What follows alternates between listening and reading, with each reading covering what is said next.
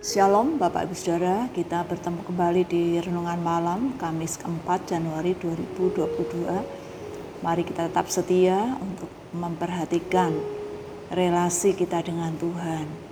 Salah satunya dengan merenungkan kebenaran firman-Nya agar kita makin mengenal siapa Allah kita. Sebelumnya kita berdoa, mohon pertolongannya. Bapa yang di surga, kami bersyukur untuk penyertaan Tuhan dalam kehidupan kami sepanjang hari ini. Kami menyadari karena pertolongan Tuhan, kami dapat melewati kehidupan di hari ini. Saat ini Tuhan, kami akan merenungkan dan memperhatikan kebenaran firman-Mu. Mari Roh Kudus Tuhan membuat kami dapat memahami kebenaran firman-Mu itu dan kami pun juga dapat melakukan apa yang Engkau kehendaki dalam hidup kami sesuai dengan firman-Mu. Dalam nama Tuhan Yesus kami berdoa. Amin. Kita akan merenungkan firman Tuhan dengan tema Dia adalah anak Allah. Sebelumnya mari kita memperhatikan dari Injil Markus pasal 15 ayat 33 hingga 39. Markus 15 ayat 33 hingga 39 demikian firman Tuhan. Pada jam 12 kegelapan meliputi seluruh daerah itu dan berlangsung sampai jam 3. Dan pada jam 3 berserulah Yesus dengan suara nyaring, Eloi, Eloi, lama sabachthani. Yang berarti Allahku, Allahku, mengapa engkau meninggalkan aku? Mendengar itu beberapa orang yang berdiri di situ berkata, Lihat, ia memanggil Elia. Maka datanglah seorang dengan bunga karang mencelupkannya ke dalam anggur asam lalu mencucukkannya pada sebatang bulu dan memberi Yesus minum serta berkata, Baiklah kita tunggu dan melihat apakah Elia datang untuk menurunkan dia. Lalu berserulah Yesus dengan suara nyaring dan menyerahkan nyawanya. Ketika itu tabir bait suci terbelah dua dari atas sampai ke bawah. Waktu kepala pasukan yang berdiri berhadapan dengan dia melihat matinya demikian. Berkatalah ia, sungguh orang ini adalah anak Allah. Dalam perikop ini kita melihat kepala pasukan kagum ketika menyaksikan secara langsung kematian Yesus. Hal ini membuat dia berkata, "Sungguh, orang ini adalah Anak Allah." Pada waktu itu, banyak orang yang menyaksikan penderitaan dan kematian Yesus. Ketika Yesus sedang menanggung dosa manusia dan berseru, Eloi, Eloi lama sabachthani yang berarti Allahku, Allahku mengapa engkau meninggalkan aku.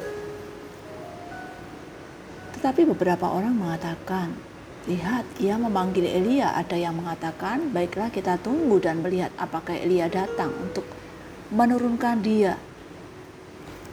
Yang terakhir Yesus pun berseru dengan suara nyaring, dengan berteriak dan menyerahkan nyawanya. Saat itu tapir atau tirai bait suci terbelah menjadi dua bagian dari atas ke bawah. Sungguh peristiwa yang mengagumkan dan itu tidak pernah terjadi. Tirai di bait suci adalah untuk memisahkan antara ruang kudus dan maha kudus. Setelah melihat hal ini, kepala pasukan mengakui benar-benar bahwa Yesus adalah Anak Allah. Melihat peristiwa yang terjadi, yaitu tabir bait suci yang terbelah menjadi dua. Setelah kematian Yesus, hal ini membuat kepala pasukan kagum akan siapa Yesus. Berbagai macam cara Allah lakukan untuk menyatakan bahwa Yesus adalah Allah yang mengasihi manusia. Ia telah melakukan banyak mujizat,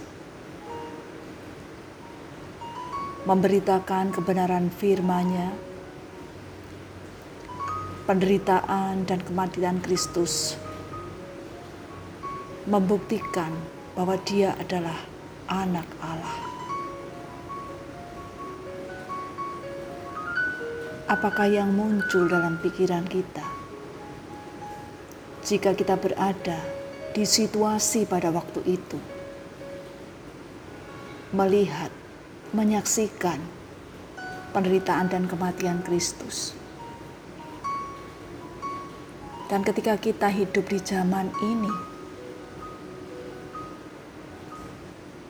masihkah kita meragukan kasihnya?